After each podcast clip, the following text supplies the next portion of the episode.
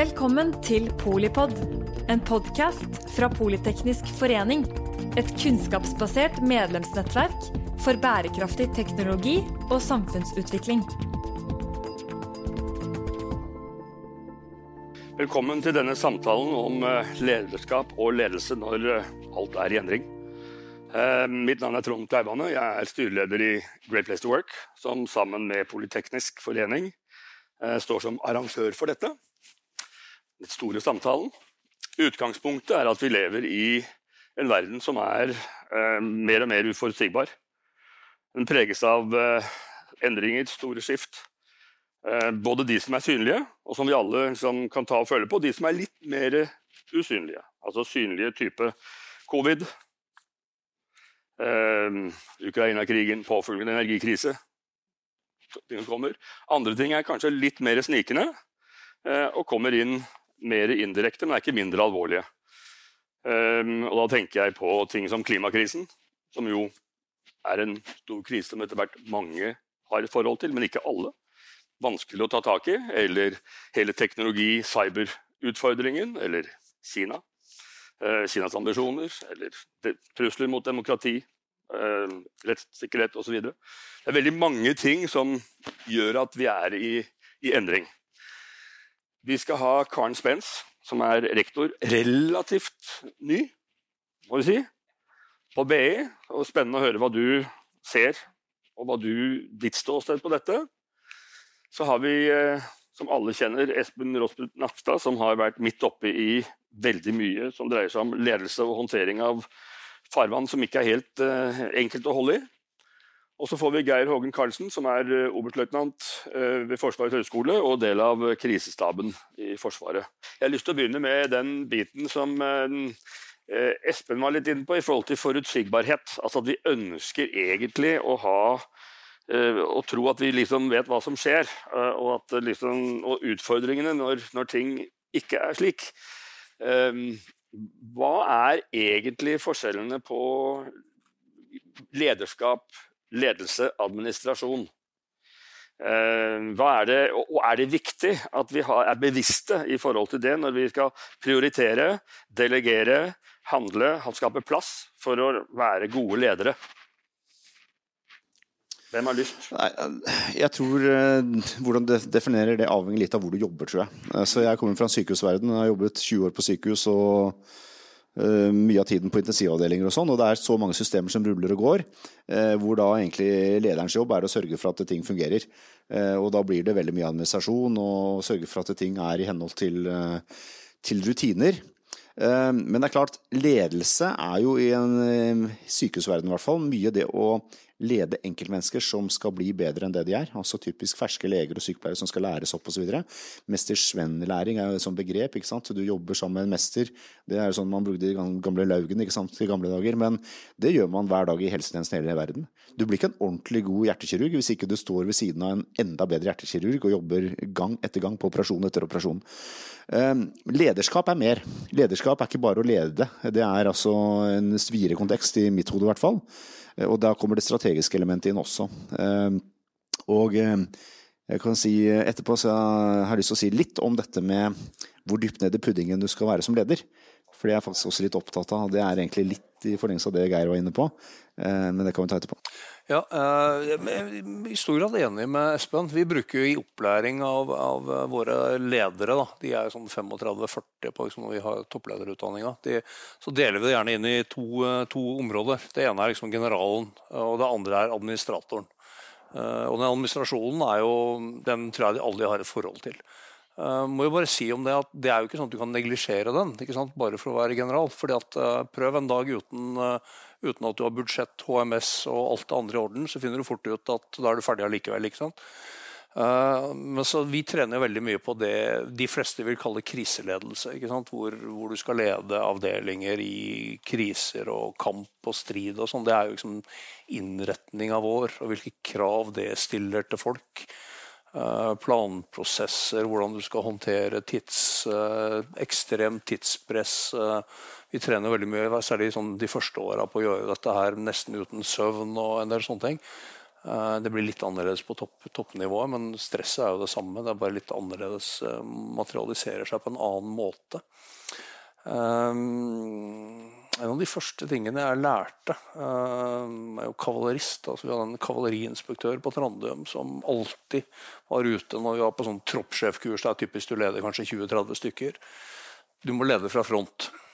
Du kan ikke ha, i hvert fall ikke militære sjefer som gjemmer seg bak og skal liksom lede de som er foran deg. Du må lede fra front. Så det var noe av det første vi lærte. Og så finnes det mange varianter av det, både i næringsliv og politikk og, og andre steder. Eh, men vi er veldig opptatt av at du må faktisk demonstrere og være et eksempel og være synlig. Du kan ikke gjemme deg. Eh, og særlig når det blir vanskelig. Én ting er noe til daglig driften, den, den, går nå stort sett. Men når det blir vanskelig, og du skal ha store endringer, f.eks. endringsledelse, så må altså lederen fram på gulvet og forklare hvorfor dette skjer, og ta ansvaret. ikke sant? Eller hvis det er krise. Eh, så, så det, er, det er liksom helt fundamentalt. Men er det, ikke da, er det ikke denne balansen som er litt vanskelig? Eh, fordi leder fra front, særlig når det er krise, som du sier, eller krav til endringer og retning, hvor det er helt tydelig mangel på forutsigbarhet. Eh, og vil du ikke si at i forhold til det du var inne på, om at lede er å liksom være eksempel og få mennesker, så, så, så, så er det også slik at du ønsker at medarbeidere skal ta så stor plass som mulig. Man ønsker å myndiggjøre, man ønsker selvledelse. Man skal også lead from behind når det er rom til det. Slik at folk vokser og blir de beste utgavene av seg selv. Slik at Ledelse er jo hele tiden å leke ja. den balansen. Altså, du, du, det, er en, det, er en, slags dans her. Og, og jeg vil nyansere det bitte litt. Så gjør du feil. Uh, det jeg mener, er at du må stå fram, peke ut retning og ta ansvar for noe som sannsynligvis er usikkert, som du har litt mm. dårlig grunnlag for og som er ubehagelig, kanskje uønska hvis det er en endring for eksempel, fordi noen skal miste jobben. Da kan du ikke gjemme deg bak noen andre. Men det er veldig mye av det arbeidet som ligger under her, som skal gjøres, som de andre kan gjøre uten at du blander deg inn i akkurat, akkurat hvordan detaljene gjøres. Men det, det, går veldig mye på det der å være synlig og ta ansvaret. Ja. Hvis du skal peke ut kursen i en krise og si at vi skal gå den veien der, og dette ligger jeg til grunn. Så kan du ikke være uklar på liksom hvor du skal og, og, hva vi tar som utgangspunkt. Og du må ta ansvar for det. Og så må du sannsynligvis justere det når du er halvveis over gulvet fordi at verden endrer seg. ikke sant? Men samtidig, som, som Karen var inne på, det å få andre til å være med, altså ta sitt ansvar i å bevege seg, slik at man forstår hvorfor dette gjelder meg. altså Forankre dette, slik at du får bedre gjennomføringsevne, mer gjennomføringskraft, er jo også en del av ledelse. slik at det å gå det er ikke bare å gå forover. Nei, nei, det er, det er, det er mengder av arbeid bak der for å få apparatet til å fungere effektivt.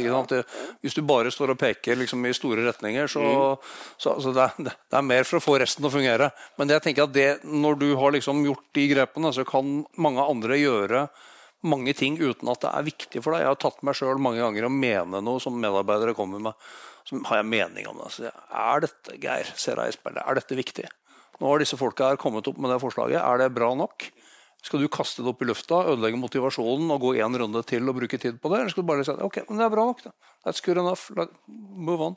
Hva tenker du? Jeg, tenker, jeg tenkte faktisk på det her med administrasjon eh, versus lederskap. Jeg tror at administrasjon er det som vi merker at det saknes om det ikke finnes. Det är ju nämligen så, ja, det är många som säger alltid att ah, behöver vi inte lite mindre administration? Och så är min fråga till dem, vill du göra det själv? För det er jo de facto altså, det, det, de som, det var noen som sa at jeg var på besøk på, på instituttene og på enhetene på BEI, og det der, da var det noen som sa at ja men Karen, det er vi som ser til, det er ankan som er her oppe på, på, på vattnet, men det er vi som padler og ser til at ankan kommer framåt.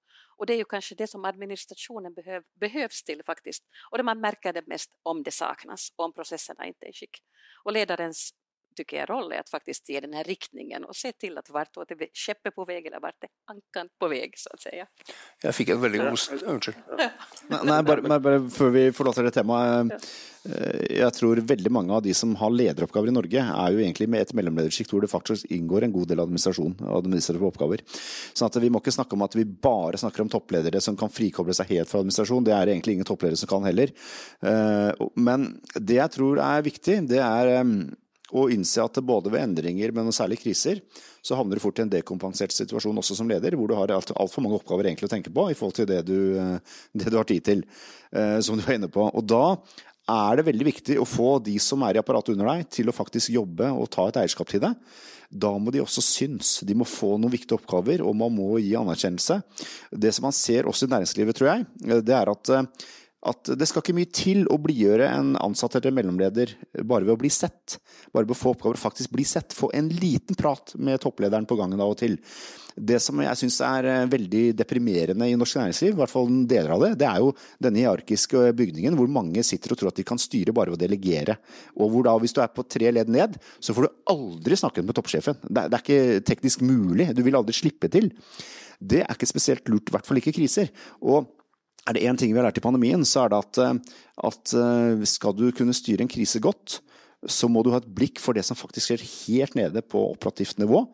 Ikke alt som skjer der nede, men det som er viktig at du vet som skjer der nede.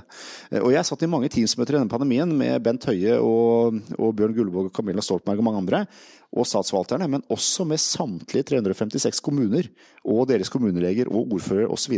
Hele kommunalapparatet. Svære Teams-møter. Hvorfor var det viktig? Jo, fordi de på toppen, og da helseministeren, får en veldig god situasjonsforståelse. Hva er utfordringen nå i de minste kommunene akkurat i denne fasen av pandemien? Samtidig så får de trygghet i at de blir hørt. Ministeren har sagt at han tar regningen. Han har sagt at det dere gjør er bra. Ikke sant? Altså Du får en del sånn direktekommunikasjon som gjør at eh, man kan fortsette å jobbe ganske autonomt og, og godt der nede. Eh, og den andre måten å gjøre det på, er jo å sende eh, meldinger og e-poster og vanlig forvaltningsjobb i 13 ledd ned til den kommunelegen. Men når det er krise, så er det noen ganger viktig å ha den, den horisont, nei, si, vertikale aksen også. Og det, det tror jeg Du kan se på hvilken som helst krise i verden du vil. Eh, og der det ofte går dårlig, der har man ofte manglet det. Jeg sier ikke at man skal ned i hele puddingen, men de viktige tingene må man ha oversikt over. Vi, vi, tror jo, I Great Place to Work så tror vi at dette er vi kaller det tillitsbasert ledelse. Men vi tror ikke det bare er krise, hvor du er nødt til å være til stede på den måten. Altså, Du administrerer jo egentlig ikke mennesker. Eh, ikke, for, ikke, hvis du skal ha dem til å arbeide og yte sitt beste og samhandle på best mulig måte. Du administrerer systemer, strukturer, prosesser, ressurser, altså disse tingene. Men du må lede mennesker, og, du, og, de menneskene er forskjellige alle sammen. og Hvordan får du de til å samhandle optimalt, maksimalt? Og mitt spørsmål da liksom til dette er altså Administrasjon er veldig mye en ferdighet vi prøver å lære bort. Hvordan vi gjør, og mye på BI og andre steder. Og spørsmålet er lærer vi ledelse, hva er ledelse? i forhold til det. Altså Hvis vi leker litt med denne forskjellen, og er dette en ferdighet, og læres den? Hvordan lærer man det? Altså Hvilket ansvar har ledere for å lære om ledelse? Det er ikke selvsagt å være en god leder. Det har med mennesker å gjøre, hvordan du får gruppen, teamet, til å funke. Dette vet også i militæret? Sånn? Ja, eh, bare en sånn liten anekdote. Jeg var nestkommanderende slash stabssjef i en avdeling med noen hundre ansatte for en del år siden. Han hadde en ganske kontroversiell sjef som kjørte veldig hardt. Eh, og det gjør jo at han, eh, han visste at han fikk en del motstandere. Han var jo fantastisk, men det, sånn er det jo. Og Noe av det første han sa til meg, det er at Geir, du sørger for at alt av personellsaker, regnskaper, økonomi, HMS, alle formalitetene skal være 100% i orden. Sant? Sørg for at det er 100% i orden, ellers så kommer noen og tar oss. ikke sant? Eh, I tillegg til liksom å sørge for at det er i orden, da, eh, hvilket jeg da ikke kunne. i det hele tatt, for Jeg kunne ikke noe om noe av det, men jeg hadde jo heldigvis noen folk som kunne det. ikke sant? Så den måtte jo da delegeres til P-sjefer og logistikksjefer og sånne ting. Eh, så skal jeg da sørge for at det der apparatet under der som han trenger for å gjøre de store grepene han ønsker, faktisk fungerer. Det, det, var jo min jobb å prøve å sy det sammen. I tillegg til å ta vare på all den der, vi kaller det ofte forvaltning eller administrasjon. Vi prater mye om det, mye om det samme. Og det er, eh, bare For å ta en annen anekdote. da, eh, sjekk, eh, sjekk med Østre Toten kommune, som fikk cyberangrep. Var uten datasystemer i mange uker. Jeg prata med kommunedirektøren der. Ja, skal du drifte en kommune uten data?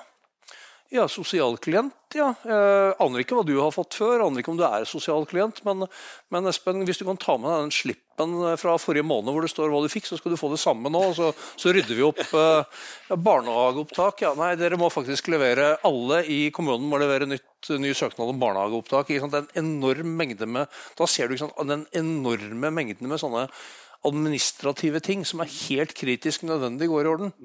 Og det feiler jo spektakulært hvis du ikke får på plass barnehageopptak eller utbetaling til folk som trenger penger. Bare for å ta et par ting. Ja. Det er ikke, ikke for å Men jeg var på læring. Kan det læres? Ledelse? Eh, det er masse som kan læres innen ledelse, men eh, Hvordan da? Eh, nei, altså kurs Du kan, på BI. du, ja, Ja, ja, jeg nå. Jeg har gått master på BI.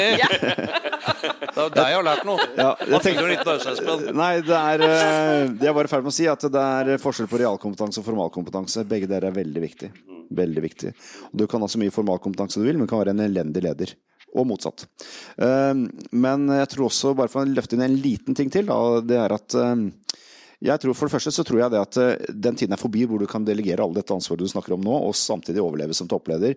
Fordi i norsk forvaltning i dag, i hvert fall, eh, så du vil kunne bli bedt om å stille og redegjøre for ting som du faktisk må kunne. Også når du skal som toppleder redegjøre opp til dine eiere eller styrere. Eh, Og, og så den tiden er forbi hvor du bare kan delegere og surfe på toppen, tror jeg. I hvert fall så blir du ikke langvarig toppleder av det. Um, samtidig så tror jeg at man må forstå dynamikken i den politiske styringen på en helt annen måte. Der er jo næringslivet litt sånn i en skjermet verden. Man trenger ikke å tenke så mye på det. Det er helt annerledes i forvaltningen, hvor du får oppdragsbrev og er veldig bundet egentlig til masta på veldig mange ting. Det må du forstå. Og um, det er en delikat balanse i en krise, det har vi opplevd nå i pandemien, men det er også i sikkerhetspolitiske kriser, mellom politisk styring og autonom styring i underliggende etater, inkludert Forsvarsstaben f.eks., eller andre under FT. Um, og um, det er mange som tror at uh, nei, et direktorat eller en forsvarsstab eller andre har liksom frie tøyler kan gjøre akkurat som de vil. Egentlig så har ingen i Norge frie tøyler, heller ikke en minister i en regjering har frie tøyler, og faktisk ikke en statsminister heller. Eh, Og sånn at alle har sine begrens sitt begrensede handlingsrom. Og det å forstå hvor stort er det handlingsrommet, hvorfor er det sånn, og hvordan påvirker det eh, nedover oppover, det er utrolig viktig. Forstår du det som toppleder, så tror jeg du har forstått veldig mye. Men er ikke disse handlingsrommene ofte et um, resultat av historisk skal vi si, hva som har skjedd? Slik at disse handlingsrommene er ikke nødvendigvis tilpasset den virkeligheten vi går inn i, når ting endrer seg. Og er vi da modige nok? Altså For handlingsrom er noe som skapes hele tiden, og de må utfordres. slik at de ligger der. Er vi ikke for respektfulle? Altså, min opplevelse er at, er at vi ofte er for respektfulle og for forsiktige med å utfordre handlingsrommene for å fornye dem, for å tilpasse oss en ny virkelighet. Jeg kan jo ta den uh, saken vi har i Forsvaret nå, med beredskapsheving. Det var jo et initiativ forsvarssjefen tok for akkurat å få et større handlingsrom. Han får mye større myndighet til å håndtere en del saker som, som typisk måtte håndteres av departementet, eller litt mer sånn omstendelige prosesser. Så da kan vi bruke mindre tid på å administrere det, og mer tid på å faktisk få gjort jobben. ikke sant? Og det er å gjøre, være ledersk, ut, altså, Ja. utvise lederskap da, i min, er å skape det handlingsrommet. Så mister jo selvfølgelig politikerne litt, eller departementet, byråkratiet egentlig, ikke forsvarsministeren, men, men altså byråkratiet mister litt den der detaljstyringa som de normalt bruker å ha. Eh, På godt og vondt, selvfølgelig. Det, og det, I krise så må man slippe opp, og sånt, ellers så går det for sakte. Jag tänkte bara gå tillbaka till det här. Ni är förstås alla väldigt välkomna till BEI för att lära er mer om ledarskap. Men det som jag egentligen kanske kunna konstatera, det, vi pratade faktiskt med Espen här just före vi kom in, att det viktigaste kanske när man funderar på ledarskap är det att man reflekterar med andra. Och det är ju egentligen det som vi gör på BEI när vi undervisar. Vi diskuterar i grupp fram och reflekterar över att hurdant ledarskap fungerar. Och det är alltid forskningsbaserad undervisning som vi sysslar med förstås på BI. Och tankegången är ju förstås att vi ska veta att vilka, vilka saker fungerar, hurdant ledarskap fungerar. Det är inte så, mera mycket, så mycket mer om ledarskapsstil och kanske personligheter utan faktiskt att reflektera hur vi interaktion så att säga leder bäst. Så det är egentligen det som vi lär ut på BI, de verktygen. Ja. Jeg skal bare legge til når det gjelder sant, den, uh, handlingsrommet da, som du er litt inne på. Altså, I en krise så endres det. Eh, Og det delegeres ofte mye fullmakt og myndighet. Vi har fullmaktslovgivning i Norge, som er altså Helsedirektoratet ble delegert eh, myndighet til å koordinere hele helsesektoren i starten av pandemien. Og du nevnte også et eksempel nå på egentlig delegasjon av, av myndighet. Det vil skje, og ting vil endre seg. Og så er det noen da som tenker at, at nei, bare vi har et planverk for denne krisen, så bare følger vi det. Jeg må si at det det har tenkt mye på. Jeg har skrevet en lærebok også med en annen i, i beredskap og kriseledelse. Og jo mer jeg tenker på det, jo mer eh, tenker jeg at eh, det viktige er at ting fungerer. Krisen vil alltid være dynamisk. Du vet aldri nøyaktig hva slags krise som treffer deg. Planverket skal bygge en grunnmur hvor ressursene er tilgjengelige, hvor du har kompetente folk som kan settes inn, og at du får dekket hele spekteret som en grunnmur. Eh, Eller som en verktøykasse, hvis du vil. Men hvordan du bruker verktøyene i krisen, det blir opp til kriseledelsen. eh, Og det avhenger av krisens start. Og det må hele tiden eh, justere seg. Det er litt som snekkeren. Trenger det verktøyet, putter det ned igjen, tar opp noe annet. Og det å forstå dette her, og da ikke låse seg til sånne faste rammer og sånn, altså en regjeringskonferanse og regjerings sikkerhetsutvalg og andre ting, fungerer veldig ulikt ulike kriser. Det viktigste er at alle oppgavene ivaretas, og at man snakker godt sammen.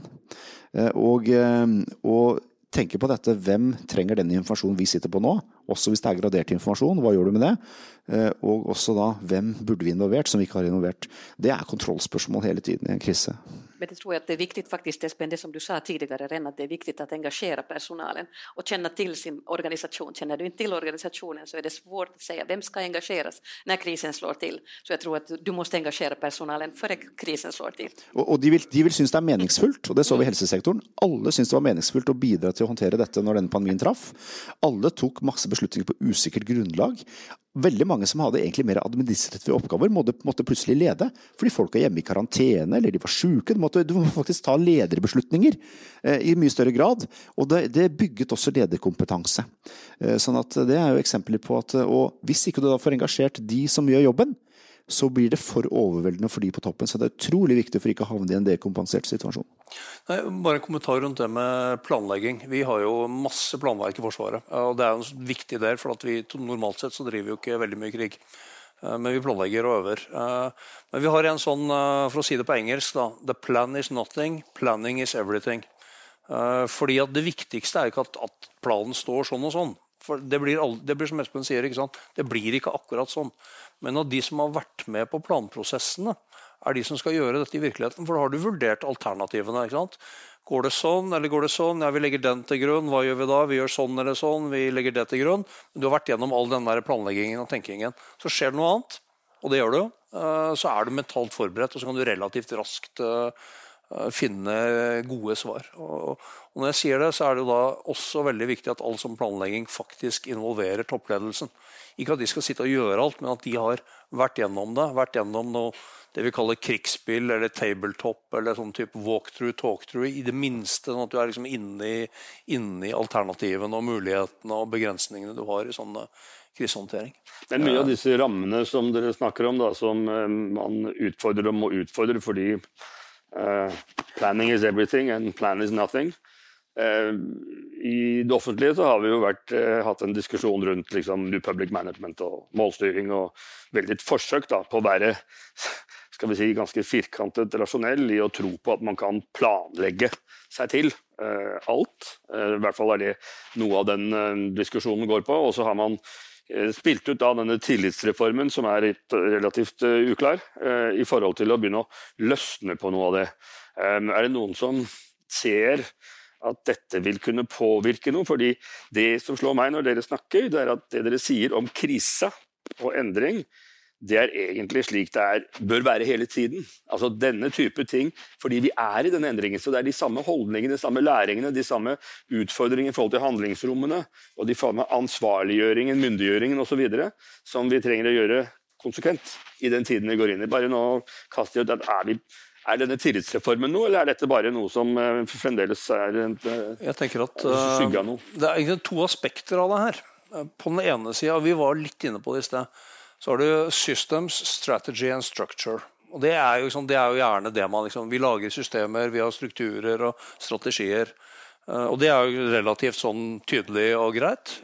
Og så har du people, processes and purpose på andre siden. Og folk er noe sånn som folk er. De er jo aldri helt sånn eh, strukturerte i forhold til firkantene våre. Og processes er alltid uryddig uansett hvor ryddig du prøver å gjøre det. ikke sant? Og så har du purpose, som er en sånn der, det er alltid en stor issue hva er purpose her. ikke sant? Men du må jo få de to tingene der til å passe sånn rimelig godt sammen. Og så må du leve med at det blir jo aldri perfekt. Du får ikke et perfekt styringssystem. Du kan ikke ha et sånt hierarkisk målsystem som, er, som, henger med på virkeligheten og er meningsfull for folk som har people and, and purposes her nede som skal gjøre det. ikke sant? Uh, og så kan du ikke bare slippe folka fri heller. Uh, og så er det der, liksom, den der balanseringa der jeg har, ikke, har, ikke, noe klart svar på hvem av de der modellene dine eller de som du var, som du var inne på, da, som er best eller dårligst. Uh, og Det er mye muddle true der, tror jeg. Nei, jeg tenker at Igjen så er det situasjonsavhengig og virksomhetsavhengig. Jeg tenker altså jeg er ikke noen stor tilhenger av New Public Management, skal jeg være helt ærlig. Jeg har sett eh, også downside med det.